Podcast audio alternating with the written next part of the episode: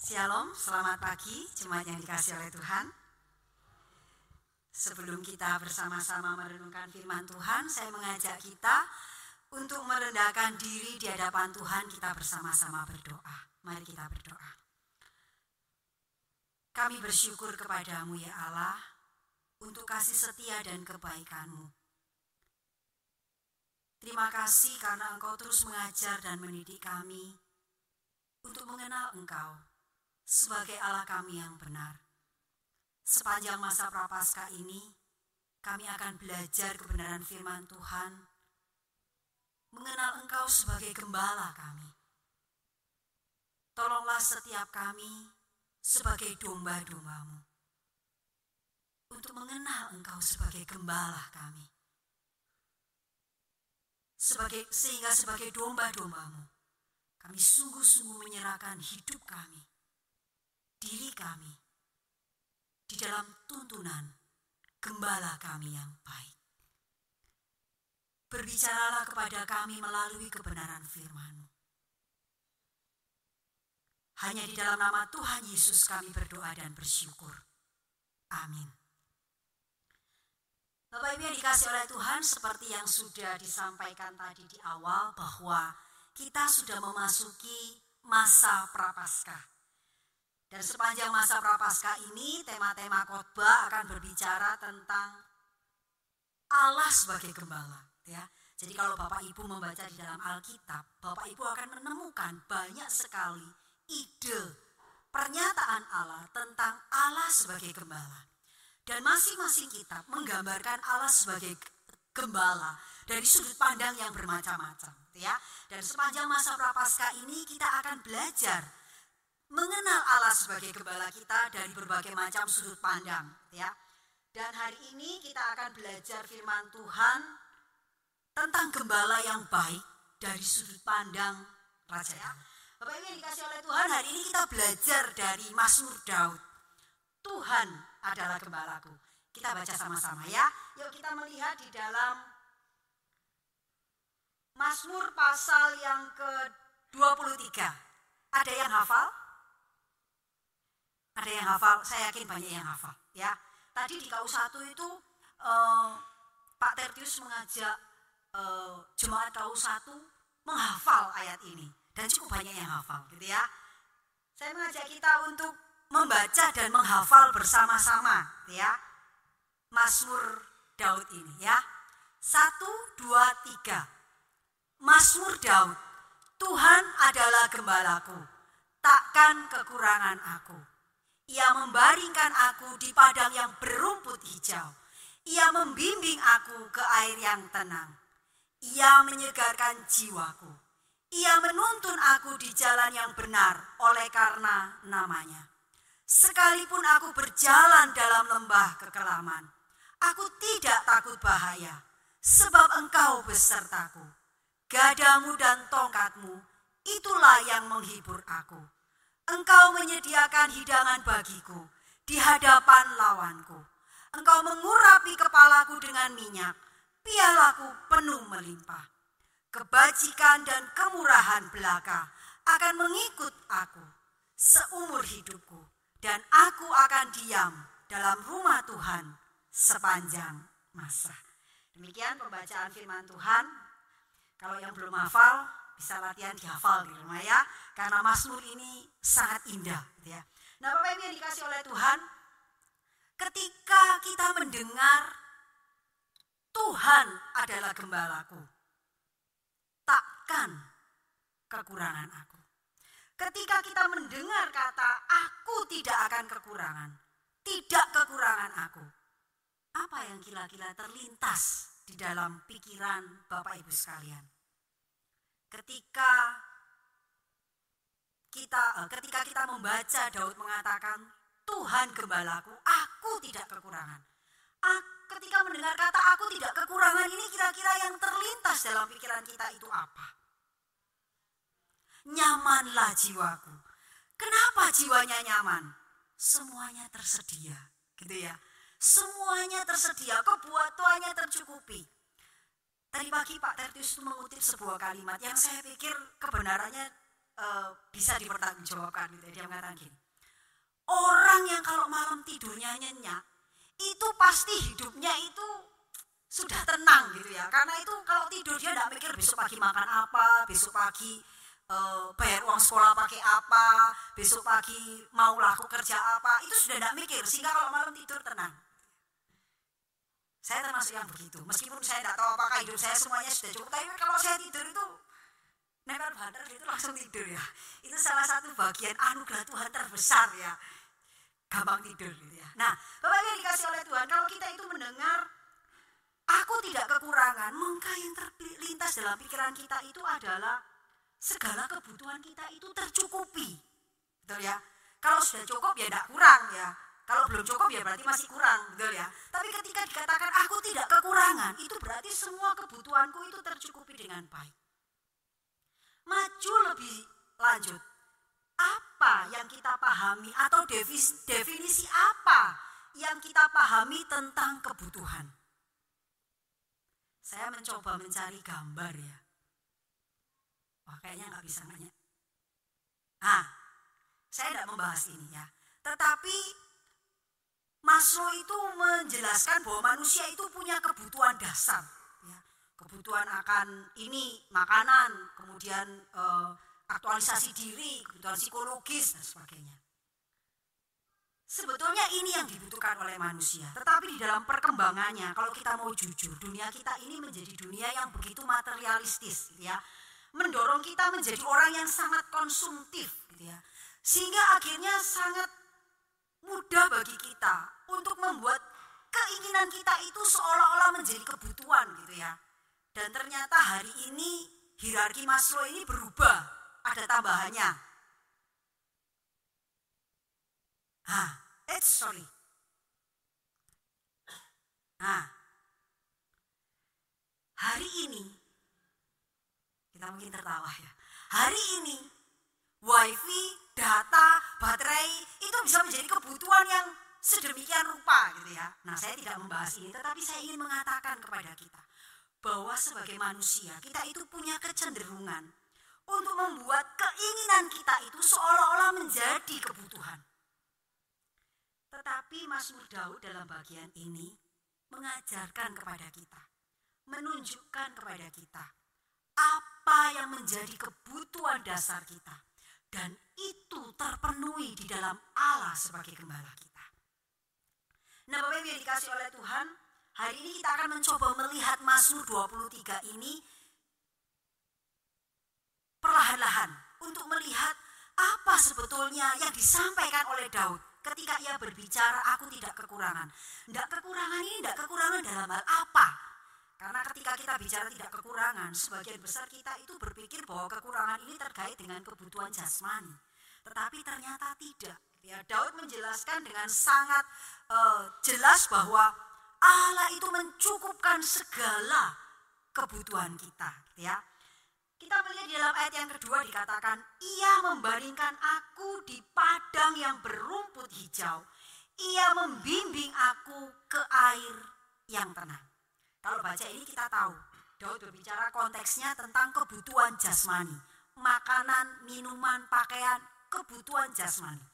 Tetapi sesungguhnya dalam bagian ini Daud ingin menyatakan bahwa ketika engkau itu ada di dalam Allah dan engkau adalah domba-domba Allah, maka engkau tidak akan pernah kekurangan makanan dan minuman. Engkau tidak akan pernah kekurangan kebutuhan jasmani, ya.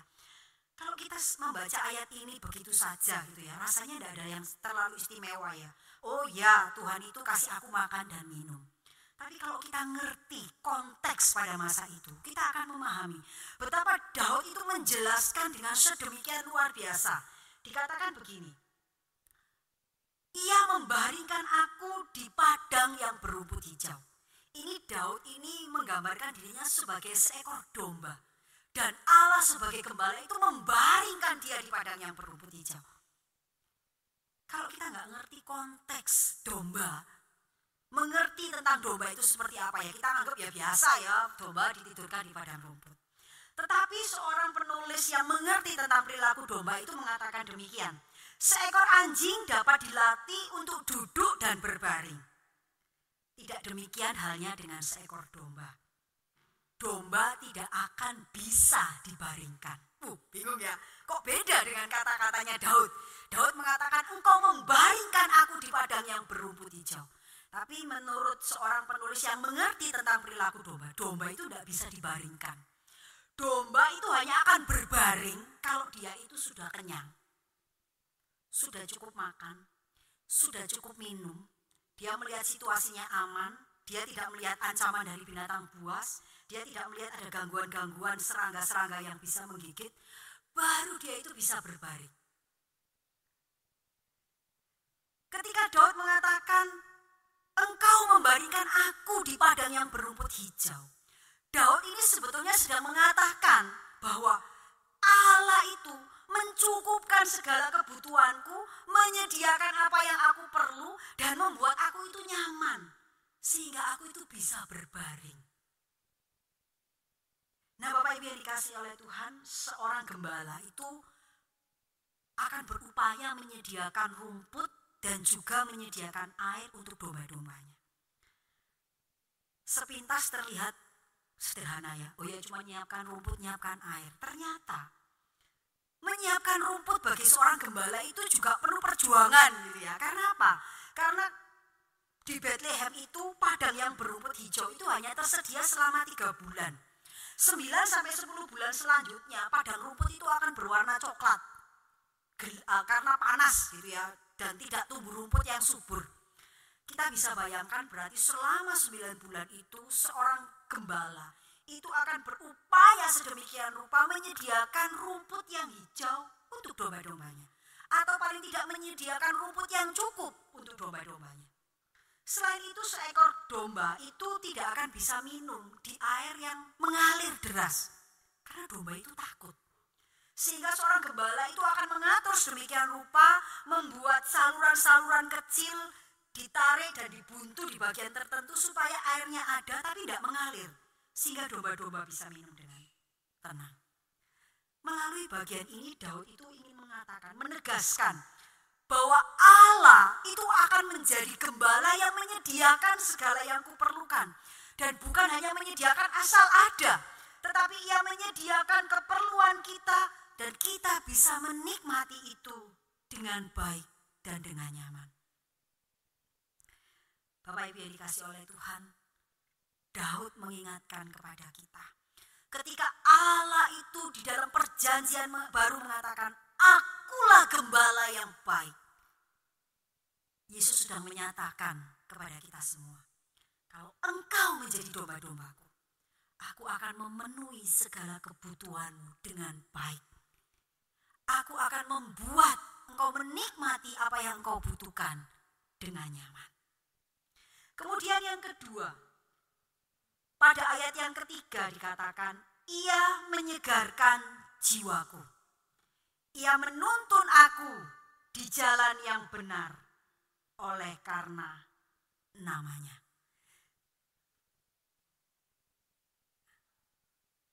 Dalam bagian ini Daud ingin mengatakan kalau Allah itu menjadi gembalaku.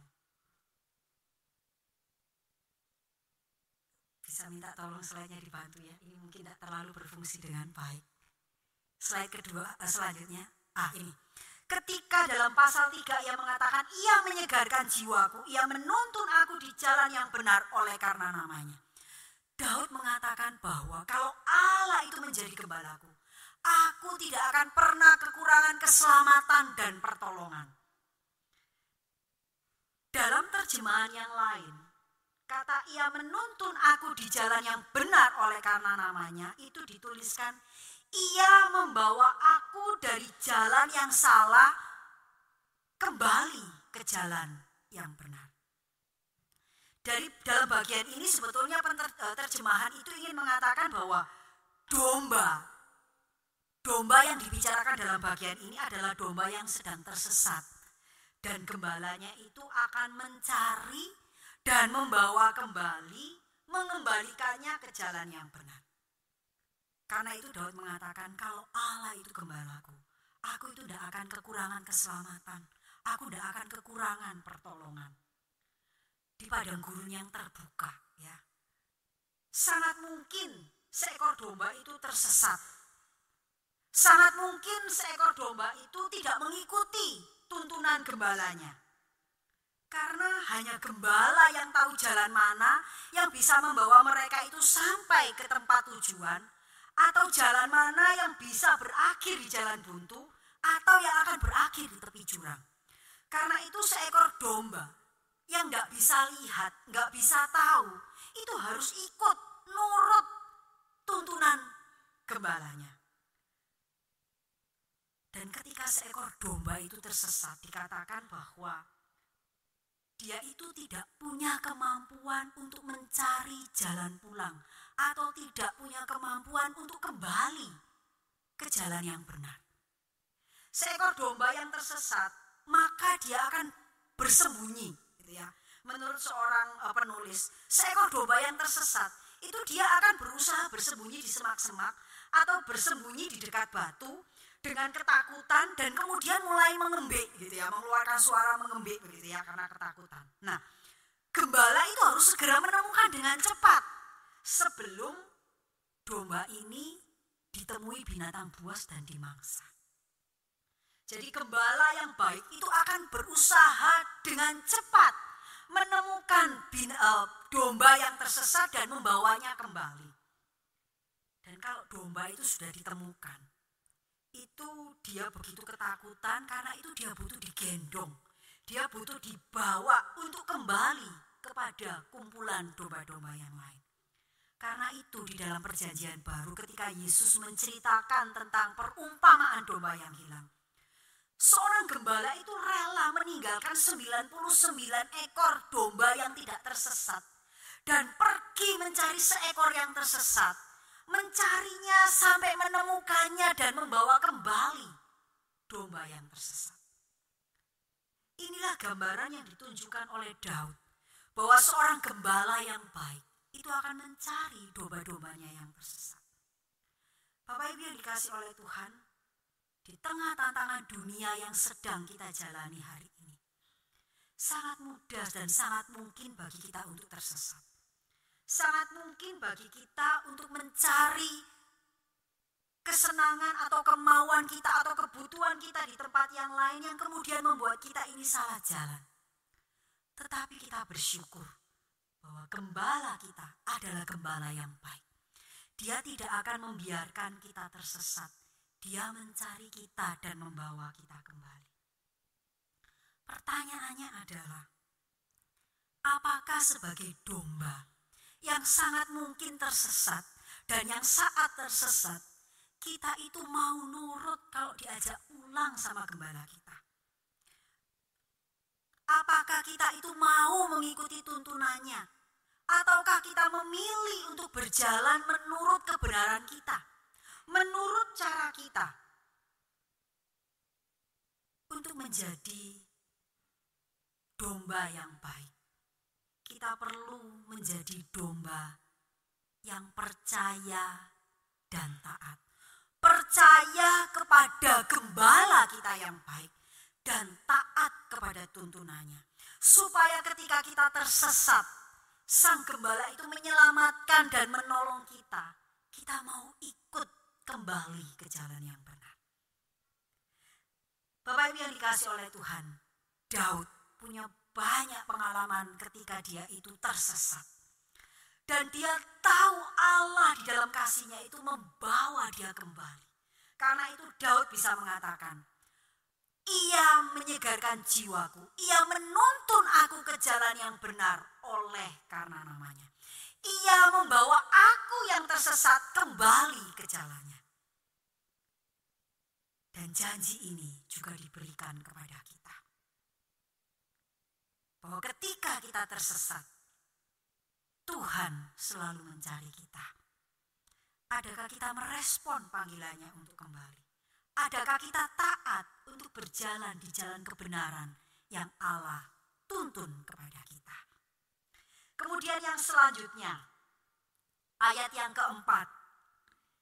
Di sana dikatakan, sekalipun aku berjalan dalam lembah kekelaman, Aku tidak takut bahaya, sebab engkau besertaku.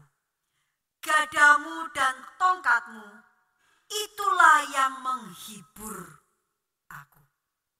Dalam bagian ini Daud ingin mengatakan kalau Allah itu menjadi gembalaku, aku itu tidak akan kekurangan perlindungan dan tidak akan kekurangan kenyamanan. Ketika Allah itu menjadi gembalaku, maka aku tidak akan kekurangan perlindungan dan tidak akan kekurangan kenyamanan. Bapak Ibu yang dikasih oleh Tuhan, sebuah buku mengatakan bahwa lembah kekelaman yang dimaksud oleh Daud di tempat e, dalam bagian ini adalah bahwa di padang gurun di Israel itu ada jalan-jalan setapak yang berkelok-kelok di antara gunung-gunung dan itu gelap gitu ya karena e, jalannya sempit kemudian e, gunungnya tinggi dan jalannya itu berkelok-kelok sehingga orang kalau lewat di situ itu berada di dalam lembah yang gelap yang kelam yang mungkin nggak tahu ini kira-kira nanti berakhirnya di mana ya dan itu menjadi sesuatu yang menakutkan untuk dilewati gitu ya Bahkan sang penulis mengatakan kalau orang melewati daerah itu, itu mereka berusaha berjalan dengan setenang mungkin dan tidak mengeluarkan suara. Supaya apa? Supaya tidak ada perampok atau eh, orang-orang uh, yang berlaku jahat itu tahu dan kemudian menyerang mereka, gitu ya. Nah, seekor domba ketika berjalan, domba itu kan binatang yang penakut, gitu ya. Ketika melewati jalan yang gelap dan menakutkan itu bisa terjadi berbagai macam hal gitu ya. Tetapi Daud mengatakan, ketika aku sebagai domba berjalan di lembah yang penuh dengan kekelaman, di lembah yang menakutkan, aku tidak takut. Karena aku tahu Allah itu besertaku. Bapak Ibu yang dikasih oleh Tuhan dalam bagian ini, kalau Bapak Ibu lihat di awal itu Daud seperti berbicara kepada orang lain. Tuhan adalah gembalaku, takkan kekurangan aku. Ini Daud seperti berbicara kepada orang lain, kepada orang ketiga tentang Allah. Ya, Allah itu gembalaku. Ya, aku tidak kekurangan. Ia membaringkan aku, ia menceritakan tentang Allah. Tetapi dalam bagian ini Daud itu langsung berbicara kepada Allah. Dia mengatakan, aku tidak takut karena engkau besertaku. Ketika ia Daud mengatakan bahwa ketika ia berjalan di dalam lembah kekelaman, ia tidak takut karena Allah beserta dengannya. Bapak Ibu yang dikasih oleh Tuhan, Daud ini tahu dengan sungguh bahwa dia tidak bisa meletakkan rasa amannya itu bersumber kepada tentara-tentara hebat yang ia miliki. Ia juga tahu bahwa rasa amannya itu tidak bersumber dari panglima-panglima hebat yang ada di sekitarnya. Atau ia juga tahu bahwa sumber kekuatan dan keamanannya itu bukan kepada kehebatannya sebagai seorang raja yang punya pangan kepadanya. Bahwa rasa amannya itu terletak kepada Allah yang menyertai. Bapak Ibu yang dikasih oleh Tuhan, apa yang membuat Daud itu mengatakan bahwa ketika Allah itu besertaku, aku itu aman. Ya. Dia melanjutkan dengan kalimat, gadamu dan tongkatmu itulah yang menghibur aku. Bapak Ibu dikasih oleh Tuhan, Daud ini seorang gembala. Ya, sebelum dia jadi raja kita tahu Daud itu seorang gembala. Dan waktu jadi gembala dia itu bukan gembala ecek-ecek gitu ya, tapi dia itu gembala yang hebat gitu ya. Dia gembala yang luar biasa. Karena ada bagian yang dia menceritakan bahwa kalau aku itu ketemu singa gitu yang akan ganggu dombaku, aku tuh berani ber, berkelahi gitu ya dengan singa ya supaya domba-dombaku itu aman. Nah, Daud itu sangat memahami ketika dia mengatakan seorang gembala itu akan menjaga domba-dombanya itu sedemikian rupa membuat domba-dombanya itu aman. Dan dikatakan bahwa gadamu dan tongkatmu itulah yang menghibur aku. Nah Bapak Ibu yang dikasih oleh Tuhan, saya mencoba mencari gambar ya. Gada itu kayak apa sih? Tongkat, nah ini ya. Gada dan tongkat itu kira-kira seperti ini, gitu ya. Daud ingin menunjukkan bahwa seorang gembala ini adalah dua alat yang selalu dibawa gembala ke mana-mana kalau dia itu pergi menggembala domba. Gitu ya.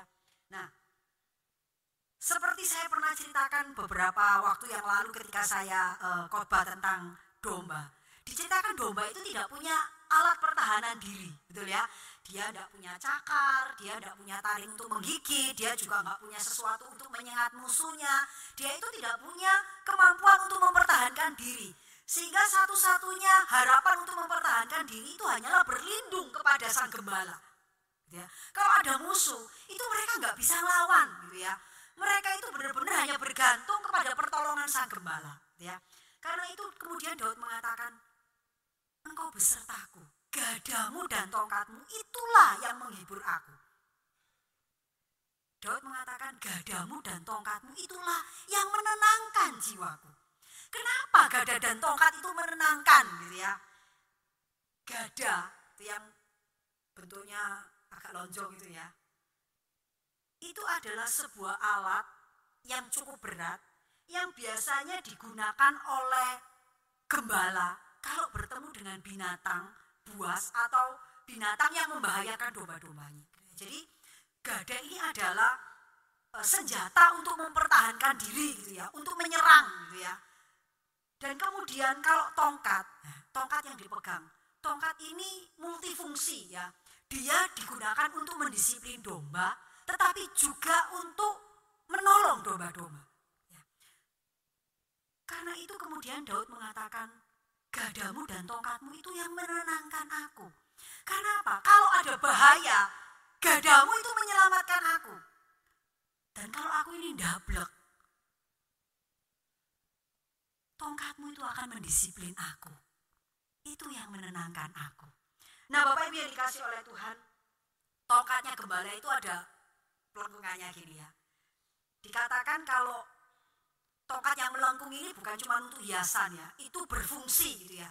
Jadi kalau biasanya domba itu jalan gitu ya, kadang-kadang domba itu suka orang Jawa bilang direnger gitu ya. Nah kalau sudah direnger, gitu, jalan sendiri, tiba-tiba keluar dari barisan gitu ya, maka gembala itu akan men apa ya tongkatnya itu dibalik itu yang dipegang ujungnya itu bagian yang melengkung itu dibuat untuk narik kakinya domba. Wah ini ayo balik balik gitu ya kira-kira ya. Jangan membayangkan nanti istrinya gitu ditarik atau suaminya jangan ya itu hanya untuk domba dan gembala gitu ya. Nah jadi domba yang jalannya mulai jelenger-jelenger mau nyasar-nyasar itu sebelum kesasar itu sudah ditarik sama sang gembala. Balik balik gitu ya.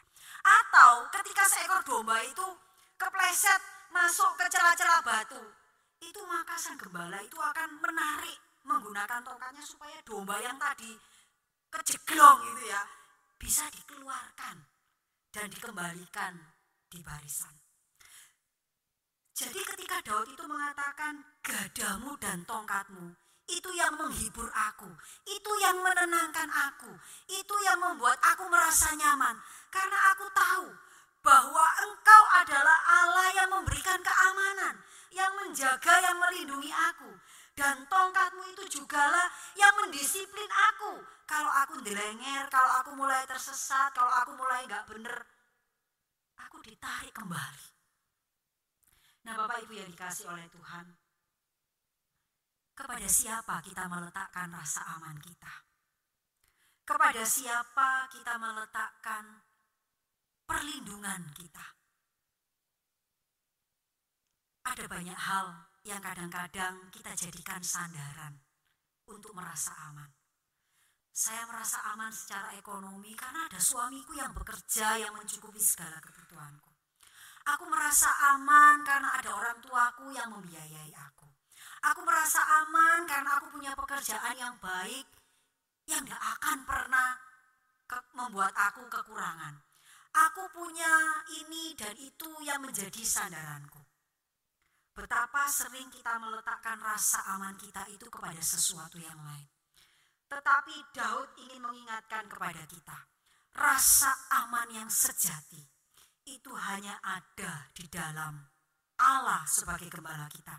Karena ketika Allah menjadi gembala kita, itu dikatakan bahwa Allah itu beserta dengan kita. Kata beserta di sini bukan hanya sekedar ngikut, nemeni, mengamankan, tetapi kata beserta itu juga memiliki pemahaman bahwa kalau Allah itu menyertai, dia itu menolong kita, termasuk mengingatkan kita, termasuk mengoreksi kita, termasuk mungkin mendisiplin kita ketika kita berjalan bersama-sama dengan Allah. Bapak Ibu yang dikasih oleh Tuhan, hari ini kita diingatkan bahwa Allah beserta dengan kita. Karena itu kita perlu meletakkan rasa aman kita di tangan yang tepat. Dalam peristiwa 98 ketika terjadi kerusuhan, kita tahu bahwa di Jakarta itu di mana-mana terjadi kerusuhan besar. Ketika perumahan-perumahan diserang, dibakar, orang berpikir perumahan tidak aman. Mereka berpikir bahwa tinggal di apartemen jauh lebih aman. Karena apa? Apartemen di atas untuk masuk harus pakai kunci tab, tidak semua orang sembarangan bisa masuk, tidak semua orang bisa menyerang. Mereka berpikir bahwa tinggal di apartemen itu lebih aman. Ternyata orang tidak menjara, orang nggak bisa naik, apartemen dibakar dari bawah, yang di atas nggak bisa turun, dan banyak yang mati. Seorang jemaat datang kepada pendetanya. Dia menanyakan sebuah pertanyaan demikian. Musuh di mana tempat paling aman?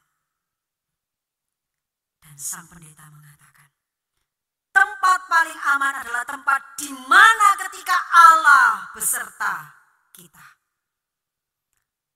Jawaban ini mungkin terdengar klise, tetapi jawaban ini mengandung kebenaran yang sangat dalam.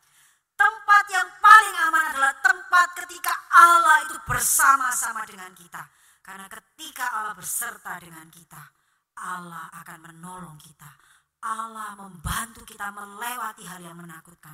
Allah meluputkan kita dari hal-hal yang membahayakan kita. Satu ketika saya pernah punya pengalaman. Saya dulu kalau berangkat ke Aletia itu lewat daerah Tanjung Sari.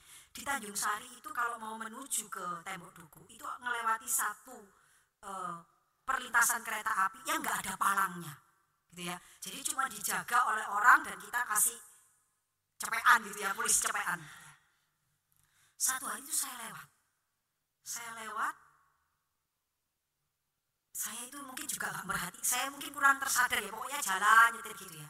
Setelah saya lewat melewat tiba-tiba saya lihat kereta api itu lewat di belakang mobil saya saya kaget itu hanya seper, sepersekian detik kereta itu lewat setelah saya lewat karena rupanya yang jaga itu mungkin lagi ngasuh, entah lagi ke kamar mandi, entah lagi apa, nggak ditutup. Dan semua orang itu lewat, lewat, lewat. Dan saya itu ikut lewat gitu ya, nggak perhatikan ada kereta atau tidak gitu. Dan saya ikut lewat. Dan setelah saya lewat, turun gini, keretanya lewat di belakang saya. Saya bilang, aduh Tuhan, itu kalau sepersekian detik gitu ya, suami saya jadi duda gitu ya, anak saya jadi yatim gitu ya. Bilang, aduh Tuhan, terima kasih. Betapa Kadang-kadang kita itu tidak tersadar dari bencana dan bahaya yang besar. Tetapi ketika Allah itu beserta dengan kita, dia meluputkan kita dari segala marah bahaya. Dan Daud ingin mengatakan kepada kita, kalau Allah itu beserta kita, kita tidak akan kekurangan keamanan dan juga kenyamanan. Dan yang terakhir, dalam ayat yang keenam dikatakan, kebajikan dan kemurahan belaka akan mengikut aku seumur hidupku. Dan aku akan diam dalam rumah Tuhan sepanjang masa. Dalam bagian ini Daud ingin mengatakan, kalau Allah itu menjadi gembalaku, aku itu tidak akan pernah kekurangan kebaikan dan kemurahan Allah.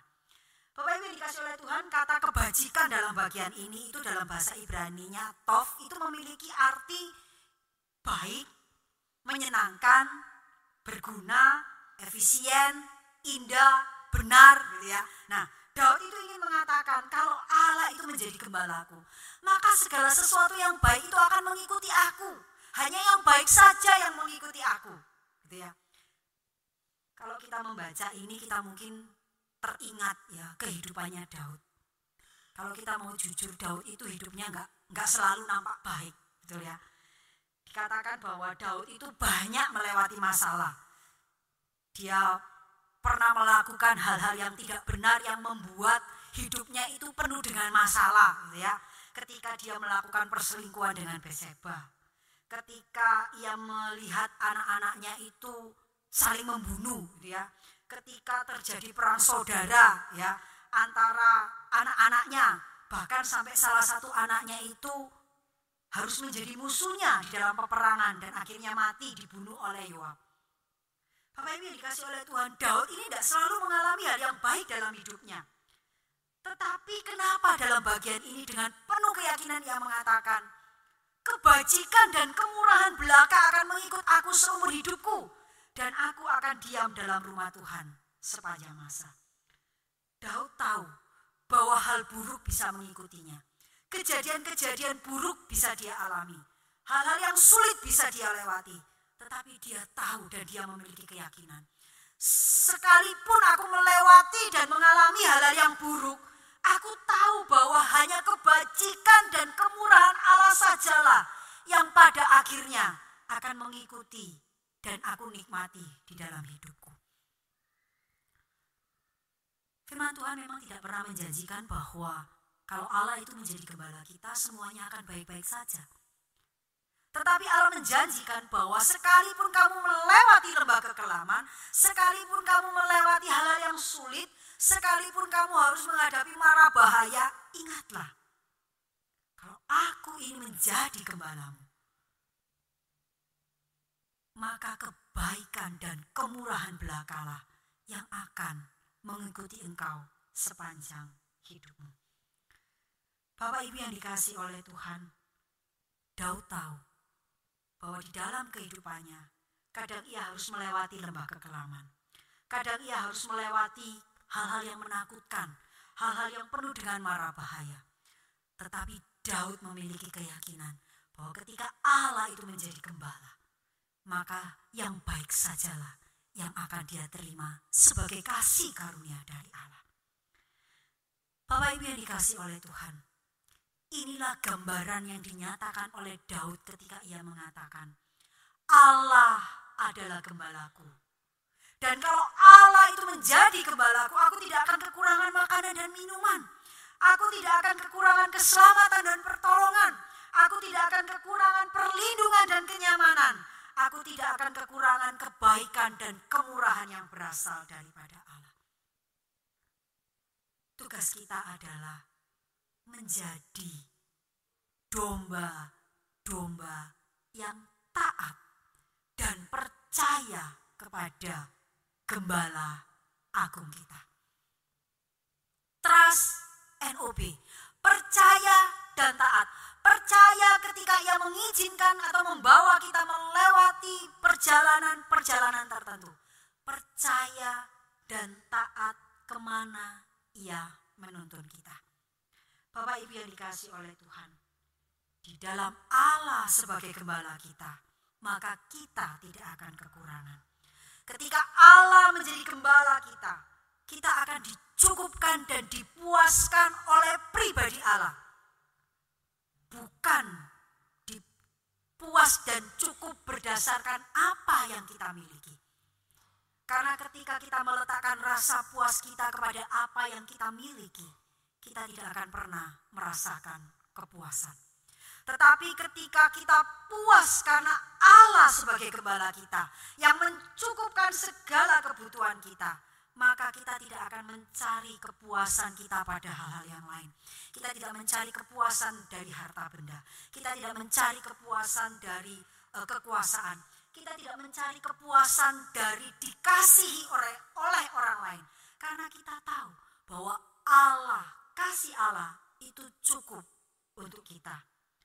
Bapak Ibu yang dikasih oleh Tuhan, ketika kita menjadi pribadi yang dicukupkan dan dipuaskan oleh Allah, maka kita akan menjadi pribadi yang bukan hanya berfokus kepada diri kita sendiri. Ketika Allah mengatakan, akulah gembalamu, engkau tidak akan kekurangan. Kalau engkau enggak kekurangan, engkau akan dipuaskan oleh kehadiranku. Engkau akan dipuaskan oleh pemeliharaanku.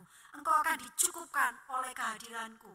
Engkau akan dicukupkan dan dipuaskan dan dinyamankan oleh keberadaan Allah. Dan ketika kita itu puas dan cukup bersama-sama dengan Allah, kita tidak akan menjadi pribadi yang egois, yang cuma mementingkan dirinya sendiri, yang men mencari kepuasan untuk dirinya sendiri. Tetapi sebaliknya, kita akan menjadi pribadi yang peduli dan membagikan hidupnya bagi orang lain. Sehingga hidup kita ini menjadi hidup yang menjadi berkat, hidup yang berdampak. Karena itu Bapak Ibu yang dikasih oleh Tuhan, kalau hari ini kita belum bisa menjadi pribadi yang membagikan hidup, diri, dan apa yang kita miliki kepada orang lain. Kita perlu mengintrospeksi diri. Mungkin ada yang belum cukup dan terpuaskan dalam diri kita. Dan kalau itu ada, jangan mencari kepuasan dan kecukupan di tempat lain atau kepada benda-benda yang lain. Tetapi carilah kecukupan dan kepuasan itu di dalam Allah sebagai gembala kita. Dan ketika kita dicukupkan dan dipuaskan, kita tidak akan lagi menjadi pribadi yang egois, tetapi sebaliknya kita akan menjadi pribadi yang berbagi dan peduli dengan orang lain. Sehingga hidup kita menjadi hidup yang berdampak untuk orang lain. Mari kita bersama-sama berdoa. Tuhan Bapa kami yang di surga, Terima kasih untuk firman-Mu yang menghiburkan dan mengajar kami. Yang kembali mengingatkan kami bahwa Engkau adalah gembala kami. Gembala yang mengasihi kami. Gembala baik yang mencintai kami. Yang akan mencukupkan segala kebutuhan kami. Baik kebutuhan jasmani, kebutuhan kerohanian kami kebutuhan psikologis kami. Tolonglah kami untuk mencari kepuasan hanya di dalam Engkau. Kami berdoa untuk seluruh jemaat yang sudah mendengarkan firman-Mu pada pagi hari ini.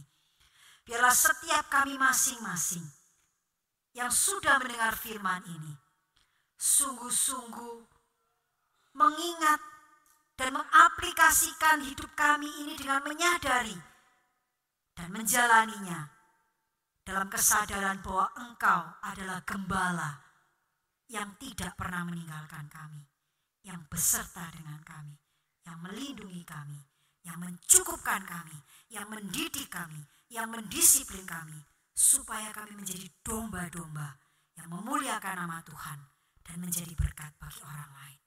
Terima kasih Bapak di surga. Hanya di dalam nama Tuhan Yesus kami berdoa dan bersyukur. Amin.